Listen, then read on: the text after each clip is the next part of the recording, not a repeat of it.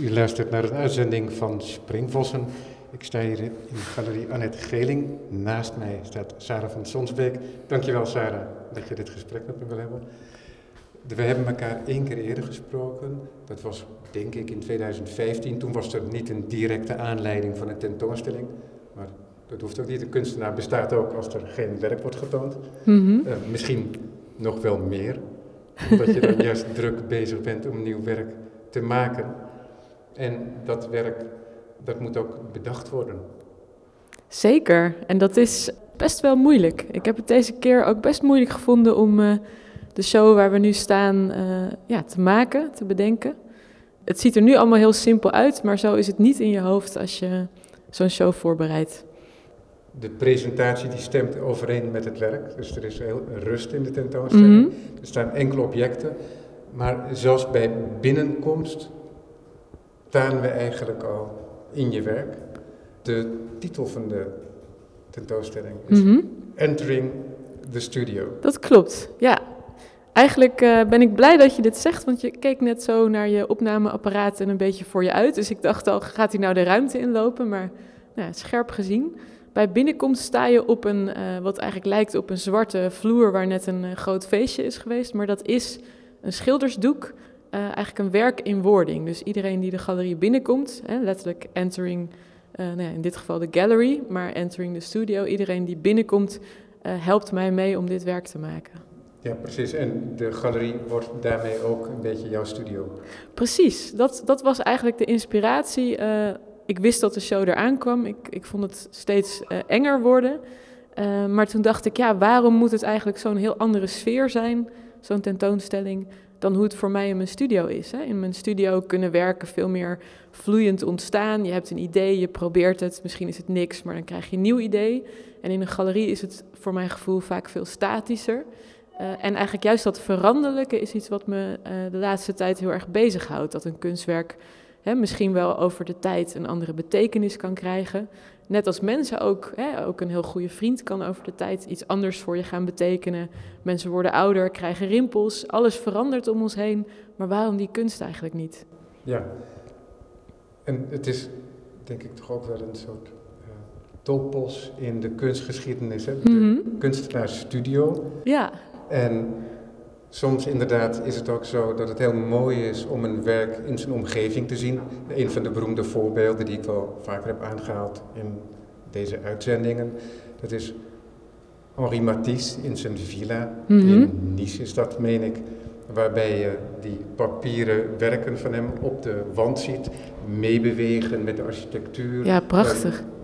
Rekening houden met een radiator die tegen de muur staat. Maar Precies. vervolgens kennen wij dat werk ingelijst in het museum, ontvoerd uit die omgeving waarin Ja. het ontstaan is. Precies. Eh, en je ziet toch dat er een soort juistheid is aan die plek. Dus ik kan me ook voorstellen, inderdaad, wat jij net aangaf, dat werk dat tot stand komt in je studio, Mhm. eh, ook in combinatie met allerlei andere elementen, andere werken, maar ongetwijfeld ook eenvoudigweg materiaal of meubilair, Mhm. eh, dat dat voor jou ook enige betekenis kan krijgen, die misschien niet per definitie deel uitmaakt van het werk. Nee, dat klopt. Dat klopt. En het heeft denk ik ook te maken met hoe ik ooit kunstenaar ben geworden. Ehm, dat is eigenlijk omdat ik vreselijke bovenburen had. Toen ik mocht afstuderen aan de Rietveld in 2006. En toen in een soort wanhoopsdaad heb ik van die buren mijn materiaal gemaakt. En dat heeft me op het idee gebracht dat eh, je huis eigenlijk je hoofd is. Dus net als soms eh, iemand met een hond op zijn hond kan gaan lijken of andersom, geloof ik ook dat huizen vaak iets zeggen over wie er woont. En zo is de studio misschien ook wel een portret van de kunstenaar. En ik dacht, waarom zou de galerie dat niet ook kunnen zijn? Het is misschien niet zo letterlijk eh, hè, als, als je het je zou kunnen voorstellen, maar ik geloof toch dat het veelzeggend is. En dus inderdaad, hè, in zo'n studio, als je net noemde, ja, daar hebben al die werken, bij Brancusi zie je dat ook heel mooi, hè? daar is in het Centre Pompidou zijn oude studio nagemaakt. En die werken samen, dat heeft iets magisch en iets heel erg persoonlijks, wat ik zelf soms mis in uh, musea, hoe mooi die ook kunnen zijn. Maar dat is een andere manier uh, van de kunst zien. Vaak iets, ja, iets monumentaler, iets afstandelijker. En ik hou heel erg van, de, verhalen rondom kunstwerken. Dus de studio is een plek waar die verhalen natuurlijk hè, bijna voor het, voor het oppakken liggen. En het werk wordt er ook wat zachter van, heb ik de indruk Ja. zelf altijd, omdat het niet meer eh, uitstaat uit een, om- in een omgeving. Zo'n galerie als deze is inderdaad, dat is voor ons traditioneel geworden inmiddels. Ja, Witte rechte muren waar het werk duidelijk uitspringt. Een neutrale vloer met grijs, Mhm. een beetje een soort leemkleur. ja, Waardoor er verschillende werken kunnen plaatsvinden. Hele kleurrijke werken, precies. maar ook inderdaad in kleur gereduceerde werken zoals bij jou nu het geval is. Ja, Je gouden werk komt er ook. komt er tot- ook tot- tot prachtig uit. Ja. Hier vandaag niet in dit perspectief te zien is, maar wel om de hoek. Ja, dan moet je even naar links kijken. Dat is een werk wat veel Ach ja, mensen over het hoofd zien, maar het, het Ja, zit er toch echt, hè? Ja, Wat, wat zie je daar? Ja, een, een, een koperen kraan met waarschijnlijk dan inderdaad uit de koperen kraan komend een gouden druppel. Ja, precies. Maar we hebben hem wel expres eh, echt als een waterkraantje geïnstalleerd. Dus inderdaad, hij staat op een van de uitnodigingskaartjes. Maar er zijn ook mensen die me dan vragen, nadat ze hier een half uur hebben rondgelopen, waar dat werk nou is. En ik hou daarvan dat dit werk nou echt is geïnstalleerd bijna als een, een utilitair object, als een kraantje en niet als een kunstwerk. In de hoop dat als je hem dan toch ziet, dat je echt verrast kan worden. Hè? Er is een gek object in jouw werk, hè? Dan. Heel gek, ja. Want het, het doet mij toch ook een beetje denken aan Man Ray en dat soort eh, Ja, eh, kunstenaars. Ja, maar ik merk dat er, ja, wat mensen natuurlijk van mij kennen, is misschien de laatste tijd het goud en daarvoor de buren en de stilte. Eh, maar ja, er is natuurlijk veel meer wat, wat door je hoofd spookt en wat die kunst drijft. Hè? En ik heb geprobeerd in deze show echt een nieuwe stap te maken. Eh, dus misschien ook minder goud, wat ik zelf, ik heb echt een haat-liefde verhouding met het goud. Maar er zitten natuurlijk allerlei lagen ja, die mij inspireren, zoals die vreselijke buren, mijn verleden als architect en dus hoe een ruimte, bijvoorbeeld allerlei, eh, ik noem dat mentale architectuur, allerlei dingen heel bepalend kunnen zijn in een huis bijvoorbeeld, zoals buren en het uitzicht, eh, maar die je normaal niet ziet. En nu op deze vloer, dat grote zwarte canvas waar we lopen, doordat we erop lopen, schrapen we eigenlijk het bovenste laagje van houtskool eraf en krijg je het grafiet te zien wat daaronder zit. Want deze verf heeft de eigenschap dat hij straling als van je telefoon kan tegenhouden. En dat is doordat er grafiet in zit. Mensen die bijvoorbeeld bang zijn voor straling, die verven daar hun huis mee in en dan verven ze daar weer wit overheen. Hè. Die verf gebruik ik al langer, eigenlijk vanuit mijn fascinatie voor stilte en datastilte. Maar die had dus dat vervelende bijeffect dat als je hem aanraakte, dat er leek alsof er een soort potloodtekening op ontstond. Uh, en nu heb ik dat juist geprobeerd te omarmen door te zeggen, nou laat dat dan juist de essentie zijn van, van de verf.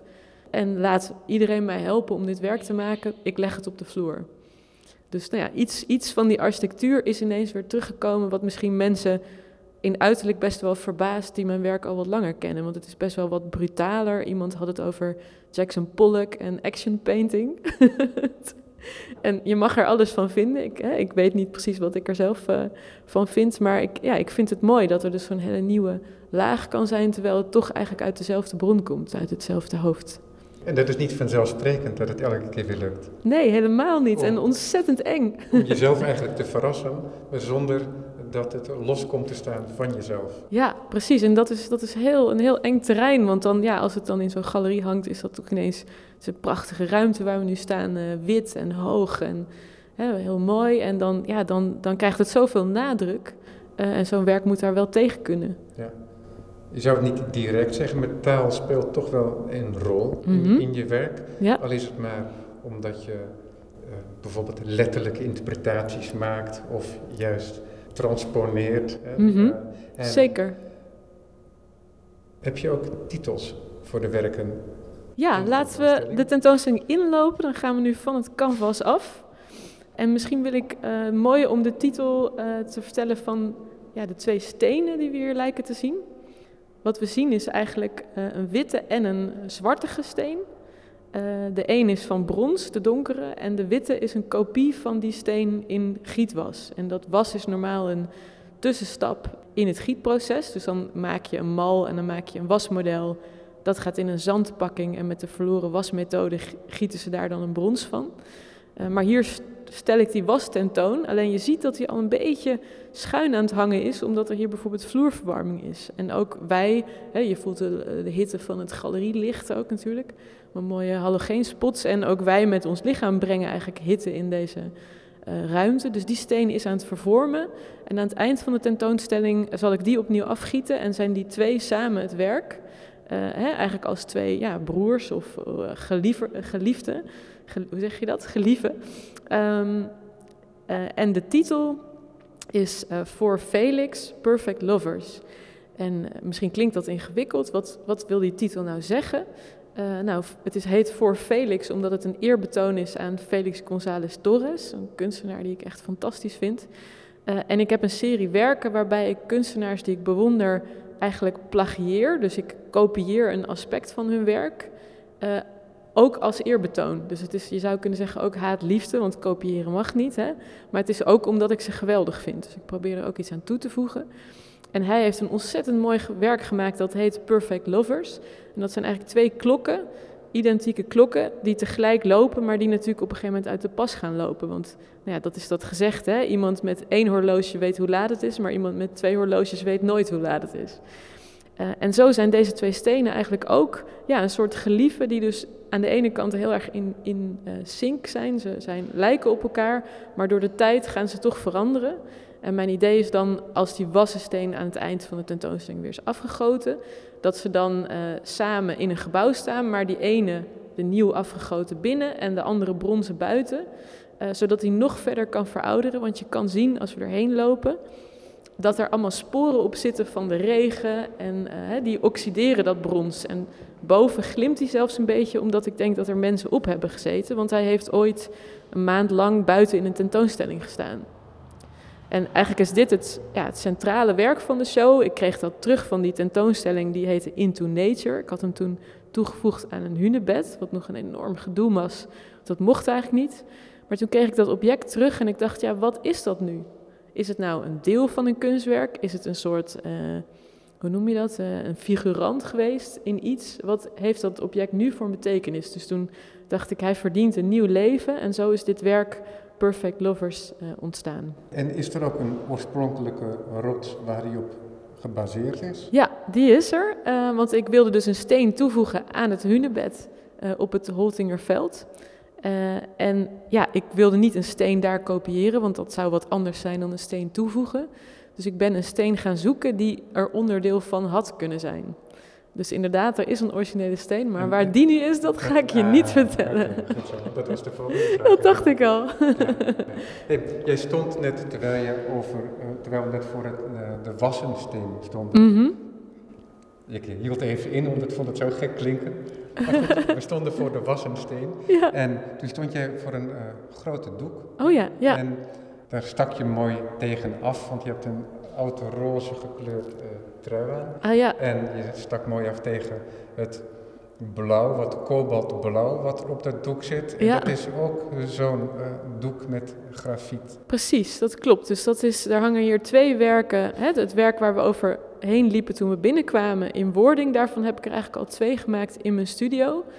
Um, dus dat zijn grote doeken op, op, ja, op schildersdoek gemaakt en hangen zo aan de muur, zijn ook niet ingelijst. Dus het is echt een soort ja, een groot vel eigenlijk.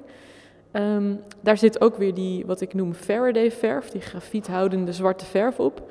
Uh, en daar he hebben in mijn studio mensen nou ja, acties op uitgevoerd. Dus bij de materialen staat ook uh, Faraday Paint and Actions in de studio. En we kunnen er even heen lopen. Dan. Ja, Misschien kun je raden Ja. wat ik daar gedaan heb. Ik ben benieuwd of je het goed raadt. Wat, wat zie jij als je ernaar kijkt?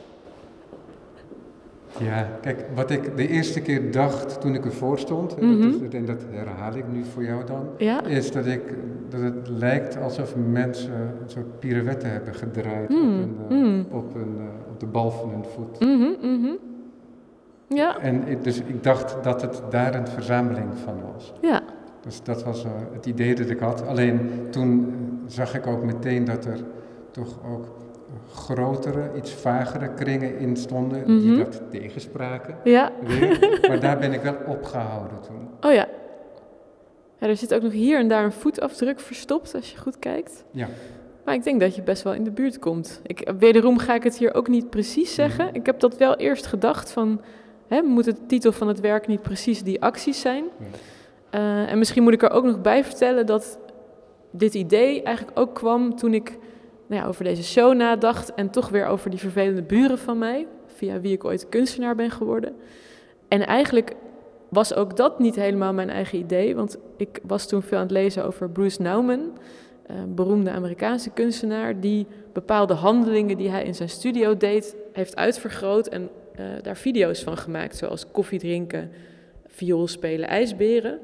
Want hij zei, ja, wat is een kunstenaar? Nou, een kunstenaar heeft een studio. Uh, wat kan kunst zijn? Alles wat in die studio gebeurt. Dus ik dacht, ja, op dat moment was mijn huis mijn studio, dan kunnen mijn buren ook kunst zijn. Verlengde van hemzelf gemaakt, zou, ik dan bijna zeggen. Uh, en zo dacht ik ook hier dan, hè, dan kunnen die acties in de studio, ook al zijn dat acties die je normaal niet te zien zou krijgen, kunnen misschien toch betekenisvol zijn uh, voor mijn werk en uitvergroot worden doordat ze ja, eigenlijk mijn materiaal worden zoals dat hier gebeurd is. En dat blauw, is dat dan van tevoren al aangebracht? Want het lijkt onder die sporen te zitten. Ja, dat zit het inderdaad ook, maar dat was een ontzettende zoektocht. Want die Faraday verf van zichzelf is dus zwart, doordat er grafiet, maar met name ook uh, houtskool in zit, of koolstof. Heet dat dan, uh, ja, op de, op de Duitse ingrediëntenlijst heet het kolenstoffen zwart. Ik weet niet precies wat dat is, maar ik hoop dat ik het goed vertaal met uh, koolstof of houtskool. Um, en uh, ik wilde daar een kleur in aanbrengen, alleen elke kleur die je daar doorheen mengde, dat werd alleen maar zwart. Dus uiteindelijk heb ik het laten drogen en terwijl het aan het drogen was, daar kleurpigment overheen gedaan. En dat dan weer met allerlei uh, ja, uh, wonderlijke, niet zo artistieke middelen in dat doek gewreven. Zoals een stoffer en blik bijvoorbeeld en gewoon alles wat ik maar voorhanden had, om dat pigment in die, in die verf vast te krijgen. Een element van toeval. Ja, totaal. Ook, omdat totaal. je niet uh, heel streng gecomponeerd hebt. Dat is een, ook een van de elementen in je werk. Dat je ja. als het ware gebeurtenissen bevriest, zou je misschien kunnen zeggen soms. Mm -hmm, ja, in het mooi geval gezegd. van het smeltende goud, mm -hmm, mm -hmm. bijvoorbeeld. Ja. ja, ik vind zo vaak uh, het toeval zoveel mooier dan wat ik kan verzinnen. En ik, uh, ja, dat is natuurlijk heel dubbel als kunstenaar, maar ik moet dat toch bekennen. Dat bijvoorbeeld, ik kan ontzettend gelukkig worden van een sterrenhemel of uh, ondergaande zon.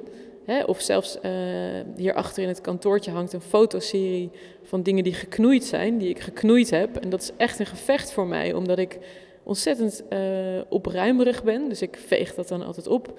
Maar ik kan niet ontkennen dat dat soms bijna sterrenstelselachtige constellaties zijn die ik heel erg mooi vind. Dus dat is echt, uh, ja, dat is een gevecht. Dus ik ben die daarom maar gaan fotograferen.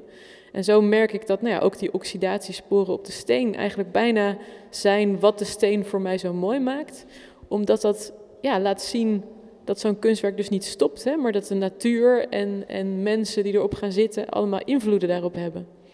Al zou je juist denken dat zo'n bronzen werk als er iets bestendig is ja, tegen de ja, tijd ja, eeuwig in, is, in wat ons omgeeft hier in jouw tentoonstelling, dan is het wel Dan is het dat ding, dat ja, object. ja. Want het is, nou ja, brons is bijna uit de tijd van de hunebedden. Net niet helemaal, maar dat is echt nou ja, dat is ontzettend oud. En dat zal ons ook nog, hè, dat, dat het ontdekt werd. En dit object kan ons ook met gemak verre overleven. Uh, ja, want het kan inderdaad echt overal tegen. Maar dat wil dus niet zeggen dat het niet subtiel kan veranderen. We zijn nu naar de achterkant van de galerie gelopen en daar is een soort kabinet, noem ik dat maar. Ja, een hoekje. Een, een uitstulping.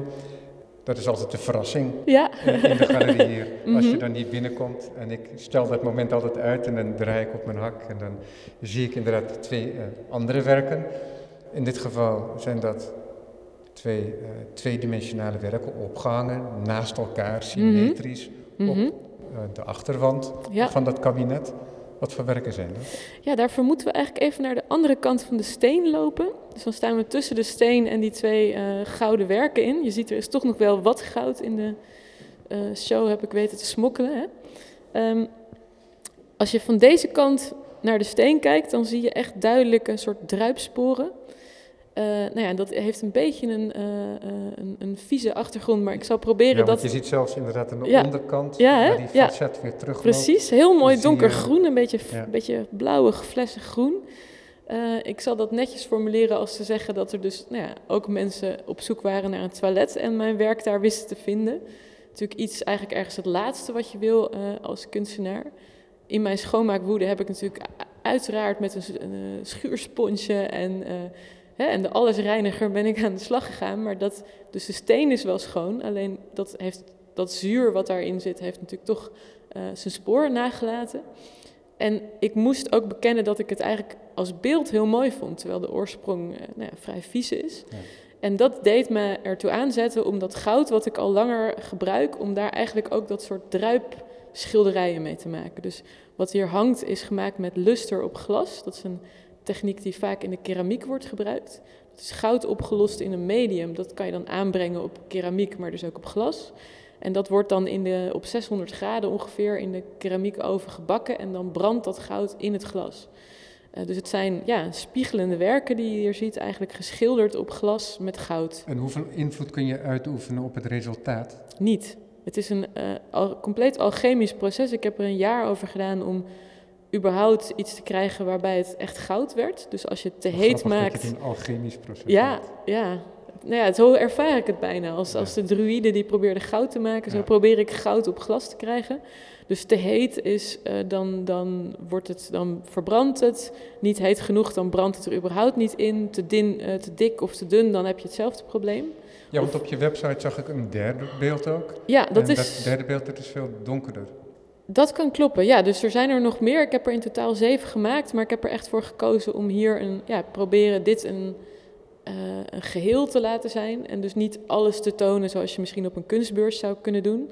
Uh, maar dit is echt ook bedoeld ja, als, als een portret van mijn hoofd op dit moment, uh, waar ik de bezoeker in uitnodig. Dus dat is expres, gaat veel meer om de verbanden tussen de werken dan om alles te laten zien wat ik gemaakt heb.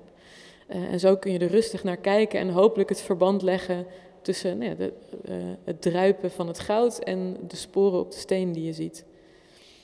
En, want ja, heel veel mensen die vragen zich uh, bij, dit, uh, bij zo'n werk af, als ze dat horen, dan wat is dan de interventie van die kunstenaar? Ja. Maar dat is niet alleen dat ambachtelijke traject. Mm -hmm, Dus dat mm -hmm. je gaat praten met mensen die dat voor elkaar kunnen krijgen voor je. Nee. Je bedenkt iets, maar vervolgens moet het ook gemaakt kunnen worden. Zeker. En voor de ambachtsmensen is dat ook vaak niet vanzelfsprekend nee. uh, uh, om aan het verzoek van de kunstenaar te voldoen. Want zo doen we dat niet. Dat Zeker. vaak tegen. Zeker. En wat hier ook uh, mooi aan is, ik hou erg van, natuurlijk kan ik niet zonder mensen die een ambacht echt beheersen. maar ik probeer wel zoveel mogelijk zelf te doen. Dus dit heb ik gemaakt op de Rijksacademie in de keramiekwerkplaats. En hun oogmerk is eigenlijk, hun doel is om jou te helpen om het zelf te kunnen. Dus ze leren je een beetje en laten je dan zoveel mogelijk zelf doen. Maar we zien rechts een vrij perfect gouden druip, uh, ja, druipstelsel. En links een eentje waarbij het een beetje meer aquarelachtig is en ook veel minder goud. En daar is eigenlijk iets misgegaan. Uh, want ze had mij de techniek uitgelegd. Ik had één uh, redelijk behoorlijke weten te maken. En toen kreeg ik ineens dit. En nou ja, de, de, het hoofd van de werkplaats, Marianne, kwam naar me toe en zei: Ja, Sarah, wat heb je nou gedaan? Het is helemaal fout, maar het is ook prachtig. En dat, uh, ja, dat vond ik heel lief dat ze dat zei. Ik zag natuurlijk ook wel dat het niet de bedoeling was.